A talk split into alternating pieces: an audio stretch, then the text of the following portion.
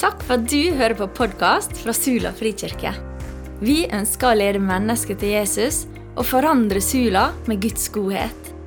Denne talen er spilt inn på en av våre gudstjenester, som er på søndager klokka 11. Vil du vite mer om oss, finner du mer info på Facebook eller på sulafrikirke.no. Du er alltid velkommen til Sula frikirke.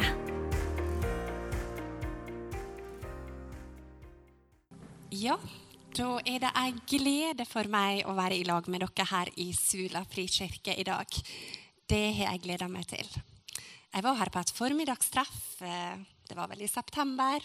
Det var også flott å møte den delen av arbeidet vårt. Så er det fint å få være med på gudstjeneste. Takk for at dere inviterer. Jeg heter fortsatt Olaug, ja. Jeg skulle si litt om meg sjøl. Jeg bor på Ellingsøya, der jeg bodd i 18 år. Jeg er gift og har tre barn som er fra 9 til 14 år. Eh, opprinnelig så kommer jeg ut av ytre Søre Sunnmøre, fra Gjersvika. I Åpne dører så har jeg arbeida i litt over seks år nå. Så jeg er leder for arbeidet vårt her i Møre og Romsdal. Da reiser jeg rundt, slik som jeg gjør i dag. Og så eh, jobber jeg også med å lage radioprogram, som kanskje noen av dere har hørt på Radio Sunnmøre. Jeg har også egen podkast med de programmene på Spotify og iTunes og Podbean og overalt. Eh, og så jobber jeg med bladet vårt, så det er ganske mangfoldig det jeg styrer med.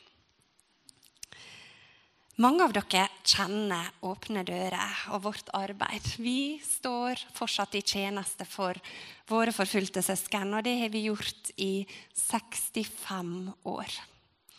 Åpne dører starta med broder Andreas, som bringer Guds ord gjennom jernteppet inn til Øst-Europa, som da var lukka for Bibelen og Gud. Og vi har fortsatt å bringe Guds ord over landegrenser, og det skal jeg dele en del med dere om i dag. Men vi har som mål både å oppmuntre og utruste våre søsken til å stå fast i trua under forfølgelse. Og så har vi også en målsetting nummer to å oppmuntre dem til å dele evangeliet videre. Og vi ser virkelig at Guds ord går fram på de mørkeste plasser. Og så fint det du som var med og sang her, sa om Jesus og navnet hans og lyset. Og det ser vi virkelig i vårt arbeid. Lyset er sterkere enn mørket. Mørket har ikke overvunnet det og kommer aldri til å vinne over det. Vi har et blad. Skal vi se her.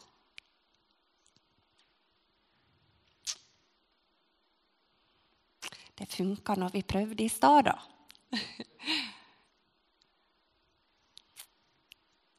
Vi har et blad som kommer ut én gang i måneden. Og det er gratis. Og vi er egentlig ikke så opptatt av å ha mange mange abonnenter i Åpne dører, men vi er opptatt av å ha bønnepartnere. Så med det bladet så bruker vi å si at der er et livsviktig vedlegg. Bønnekalenderen vår. Jeg vet at flere av dere har bladet, og jeg har lyst til å takke dere som mottar det. Jeg bruker å si at da er det akkurat som at man får besøk av sin formfulgte familie én gang i måneden. Da åpner en heimen sin for deres ansikt og historie, deres bønnebehov. Og en har også mulighet til å bli inspirert av deres liv. Så takk til de som er med og tar imot din familie i heimen din. Og takk til de som er med og ber. Og du kan be hver dag om du vil hvis du bruker bønnekalenderen. Det tar kanskje et minutt eller to, men det er uendelig dyrebart. Til de som ikke har bladet, så har jeg lyst til å spørre vil du ta med deg et hjem i dag og se om det er noe du kan motta i din heim. Det går også an å bestemme seg for å abonnere i dag om en ønsker det. Og til dere som ser på, på Zoom, så ligger bladet også ute på nettsidene til Åpne dører. Åpne dører er først og fremst en bønnebevegelse. Og Jeg bruker ofte å sitere dette verset om hva bønn betyr. Hvor virksomt det er. Ett rettferdig menneskes bønn er virksom og utretter mye. For to år siden hadde vi besøk av Lydia. Hun er fra Sørvest-Asia. Hun bor i et land der det er veldig vanskelig å leve som kristen. Hun og mannen er medarbeidere av oss i Åpne dører, og de har tjeneste i to andre land der du egentlig kun kan leve i skjul hvis du er en kristen. Når Lydia var her, så sa hun jeg er her først og fremst for å spørre dere om å be. Og så sa hun disse ordene som jeg stadig må minne om når jeg reiser rundt. For dere klikker der fram. Hun sa, 'Be for oss'. Dine bønner utgjør en stor forskjell. Vi kan føle bønnene deres. De er som en mur rundt oss. De beskytter oss. Så betydningsfulle er dine bønner. Og kristne søsken der ute, de kan merke når du ber. Så jeg har lyst til å takke de som er med og lager denne bønnemuren rundt dine søsken. Og etter det jeg har delt i dag, så er min bønn at kanskje enda flere vil bli med på det og ser hvor viktig det er, det vi gjør for vår familie når vi ber for dem. Her så ser dere grunnleggerne til Åpne dører. Og han broder Andreas, som jeg nevnte i starten, han ser vi nummer tre fra venstre. Nå er han blitt 92 år, men han lever fortsatt og er oppegående i fyr og flamme for Jesus. Dette bildet dere ser på skjermen, det ble tatt i 2008. Da møttes disse fire grunnleggerne. Og dere ser at de er godt voksne. Og så sa de til hverandre å, vi må få ned noe på papiret om hva åpne dører er for noe. Og det må være noe som aldri skal være lov å forandre på. Og så fikk de da gå sammen om å liksom formulere ut sju kjerneverdier. Og Nå skal ikke jeg snakke om alle de sju verdiene, men jeg har lyst til å trekke fram to av dem. Vi er et bønnefolk. Og Det har jeg allerede sagt litt om. Og I bladet nå i november da står det om denne verdien. Vi er et bønnefolk. Og I bladet så har jeg et lite sitat fra en bok av han broder Andreas der han skriver fra Efeserne 6, ikke sant? der det står om å ta på seg Guds fulle rustning. Og så sier broder Andreas at ofte tenker vi liksom at vi tar på oss eh, denne rustninga. Men så stiller vi oss opp der, og så glemmer vi det som står rett etterpå. Gjør alt dette i bønn.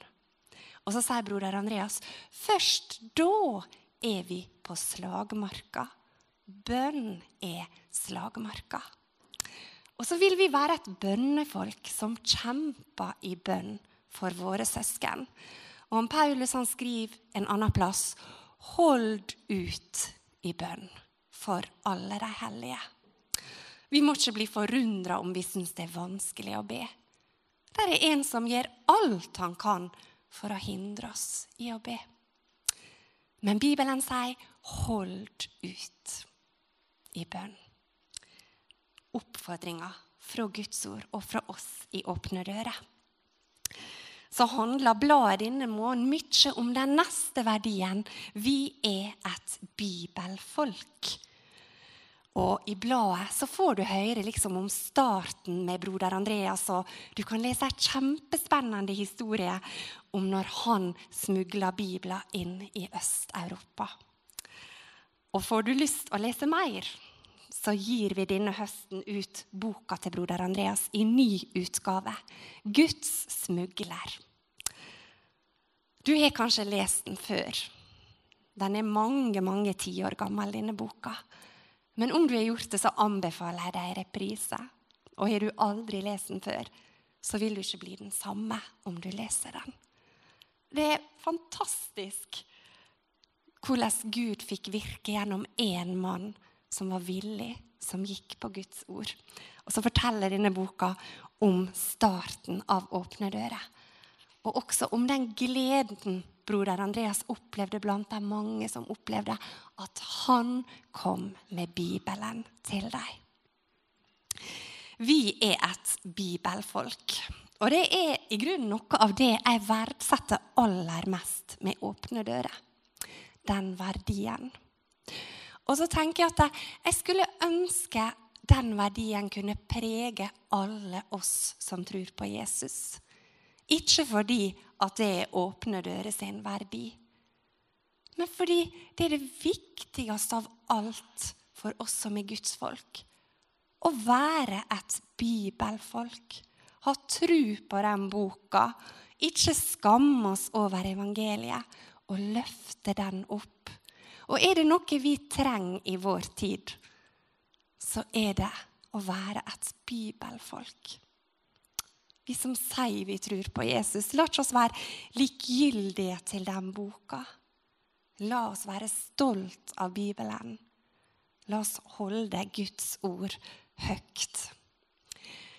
Her er noen bilder på skjermen nå fra en container i Sentral-Asia. I mars så var jeg så heldig å få reise til et av stanlandene. Jeg kom hjem igjen 14. mars, så da var det rett i karantene. Men jeg takka Gud for at vi kom oss på den turen før hele verden stengte. Og en av de vi møtte på den turen, det var Sergej. Og han er medarbeider i Åpne dører, og han driver med Bibel smugling i disse landene. Det landet han bor i, er det beste av stanlandene. Men i mange av nabolandene er det veldig vanskelig å få tilgang til Guds ord. Han Sergej han bor på en farm, og hans offentlige jobb det er å selge dyrefôr. Så han har flere konteinere på farmen sin som er fylt av sekker med dyrefôr. Og folk kommer og handler med han. Men så er det da en konteiner som inneholder bibler og kristne bøker. Og i fjor så gikk det ut 100 000 kilo kristne bøker og bibler fra denne farmen. Og vi spurte Sergej går dette bra. Er det ingen som er bedt om å få komme inn i konteineren din og sjekke hva du har der? Nei, nei, nei. Alle vet at jeg selger dyrefôr, så alle tenker at alle konteinerne er fylt av disse sekkene, og ingen aner at der er bibler.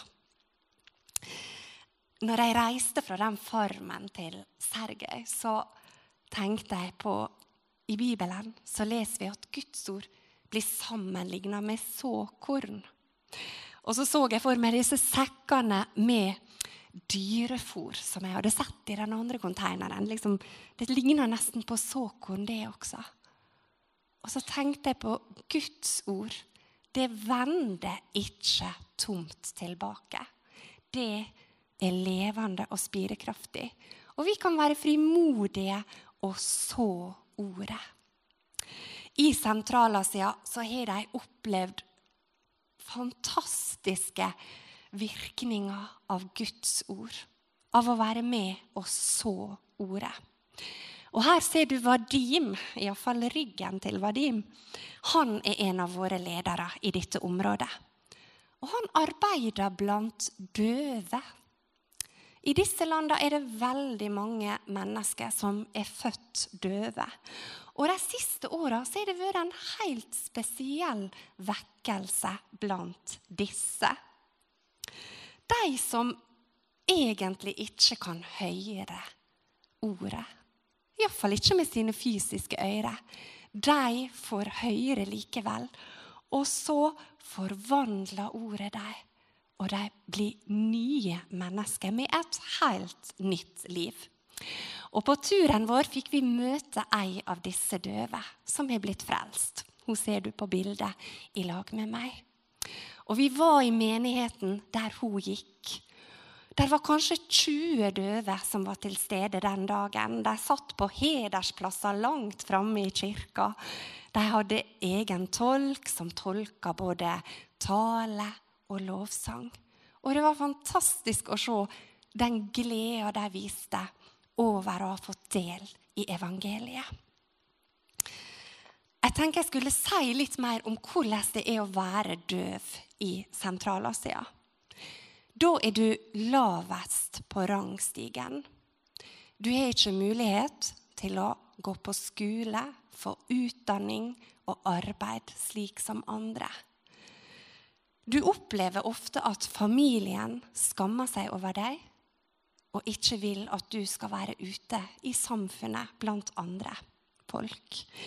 Eh, I tillegg så er de muslimer i disse landene men er du døv, så får du høre at det er en straffedom fra Allah, og du kan ikke regne med å få hans gunst, verken nå eller i evigheten.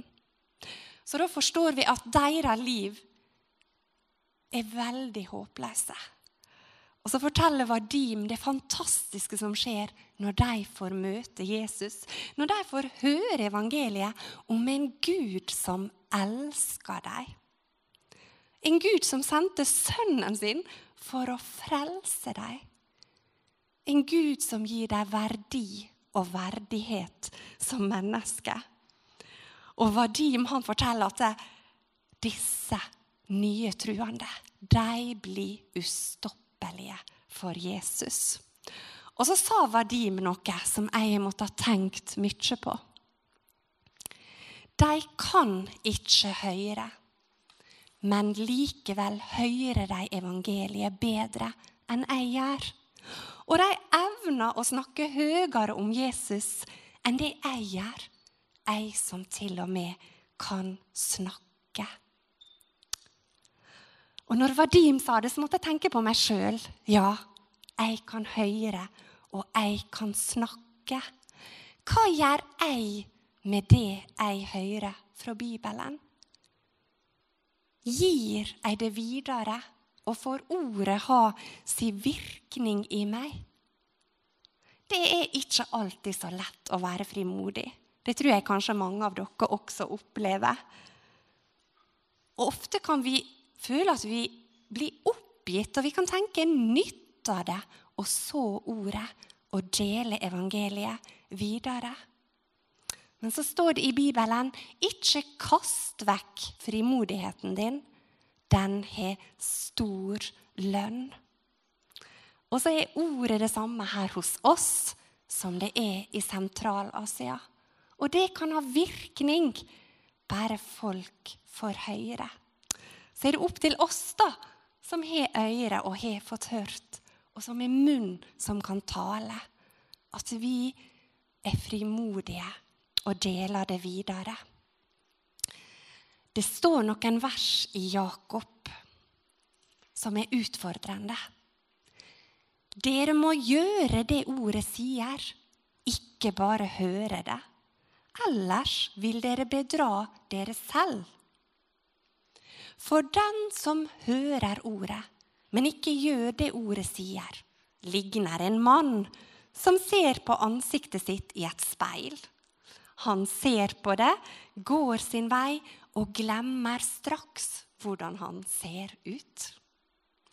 Men den som ser inn i frihetens fullkomne lov og fortsetter med det, blir ikke en glemsom hører men en gjerningens gjører.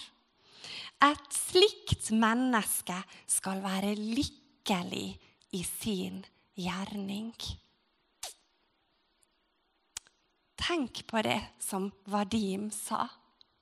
De kan ikke høre, men likevel hører de evangeliet enn det jeg gjør. Bedre enn det jeg gjør. Og så oppfordrer disse versene oss i Jakob til å ikke bare høre, men å gjøre etter ordet. Og så står det at et slikt menneske skal være lykkelig i sin gjerning. En av historiene Vadim fortalte, den kommer jeg aldri til å glemme. Og den har jeg lyst til å fortelle dere. Den handla om to døve som hadde kommet til tro på Jesus. Og de var i fyr og flamme og bare tenkte på åh, hvordan kan vi dele evangeliet videre. De kunne ikke snakke, men de hadde to hender, og de bestemte seg for å bringe kristen litteratur inn i nabolandet. Eh, det var vanskelig, fordi at hele grensa var strengt kontrollert av vakter. Men de gikk og inspiserte litt og kom over et område som var helt åpent og fritt. Og tenkte her er plassen. Her kan vi nytte sjansen til å få Bibelen inn i nabolandet vårt. De holdt på i tre hele måneder og bar bøker og bibler over denne grenseovergangen. Til slutt så ble de avslørt, og de ble stoppa av noen vakter.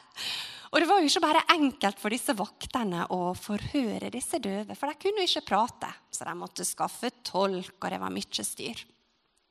Men så fikk de endelig avhørt disse to. Og så sa de hva er det dere holder på med? Hva gjør dere her? Og de to døve de tenkte åh, vi får bare være ærlige. Ja, de siste månedene har vi holdt på og båret bibler og kristne bøker inn over denne grenseovergangen. Da kikka vaktene på dem vantro og spurte er dere galne. Dere har gått gjennom et minefelt i tre måneder. Det er derfor det er ingen vakter på denne overgangen. Og de døve kikker på hverandre. Og så sier disse vaktene Når Allah ikke har straffa dere, så tør heller ikke vi å legge handa på dere. Gå med fred. Og så sa disse to døve til hverandre det var jo ikke alle som har holdt sin hånd over oss. Det er jo Gud som har bevara oss. Og så ble ordet spredt også inn til dette nabolandet. Jeg skal gå mot avslutning. Lyset skinner i mørket, og mørket har ikke overvunnet det. Sånn er det i Sentral-Asia og utover hele verden. I de mørkeste land der stråler lyset. Og En av våre medarbeidere i Egypt han sier når dere ber for oss forfulgte kristne, be om at vi må fortsette å skinne for Jesus. Det er det viktigste dere kan be om. Så er denne dagen i dag også en spesiell dag. En dag der mange tenner lys. En dag der vi minnes våre kjære som vi savner. Allhelgensdag. Og til slutt i det jeg deler nå, så skal vi se en film, og du skal få møte Rose fra Nigeria. I april mista hun mannen sin i forfølgelse. Hun satt alene igjen med to små barn og med den tredje i magen. Og et par dager etter denne filmen ble tatt opp, da fødte hun ei jente. Hun Rose hun er en av de som vi gikk i fakkeltog for på onsdag. En av de som er blitt stilt bakerst i køen, som opplevde at når myndighetene kom med nødhjelp, så var ikke det til hun fordi at hun er kristen. Men så har hun fått hjelp, og hun har opplevd at Gud ser til henne i hennes situasjon. Han som er rik nok for alle. Han bryr seg om våre søsken i Nigeria, og han bryr seg om oss. Han bryr seg om deg. Han ser til ditt liv, dine smerter, tap som du måtte leve med, og sorg og sagn, sagn som du måtte kjenne på denne dagen. Lidelsene som vi hører om fra våre søsken, de kan sette våre lidelser i perspektiv. Men likevel er det ikke sånn at det vi da kjenner på, ikke betyr noe. Vår smerte kan være like reell. Og det er godt å tenke på at Gud han ser til oss.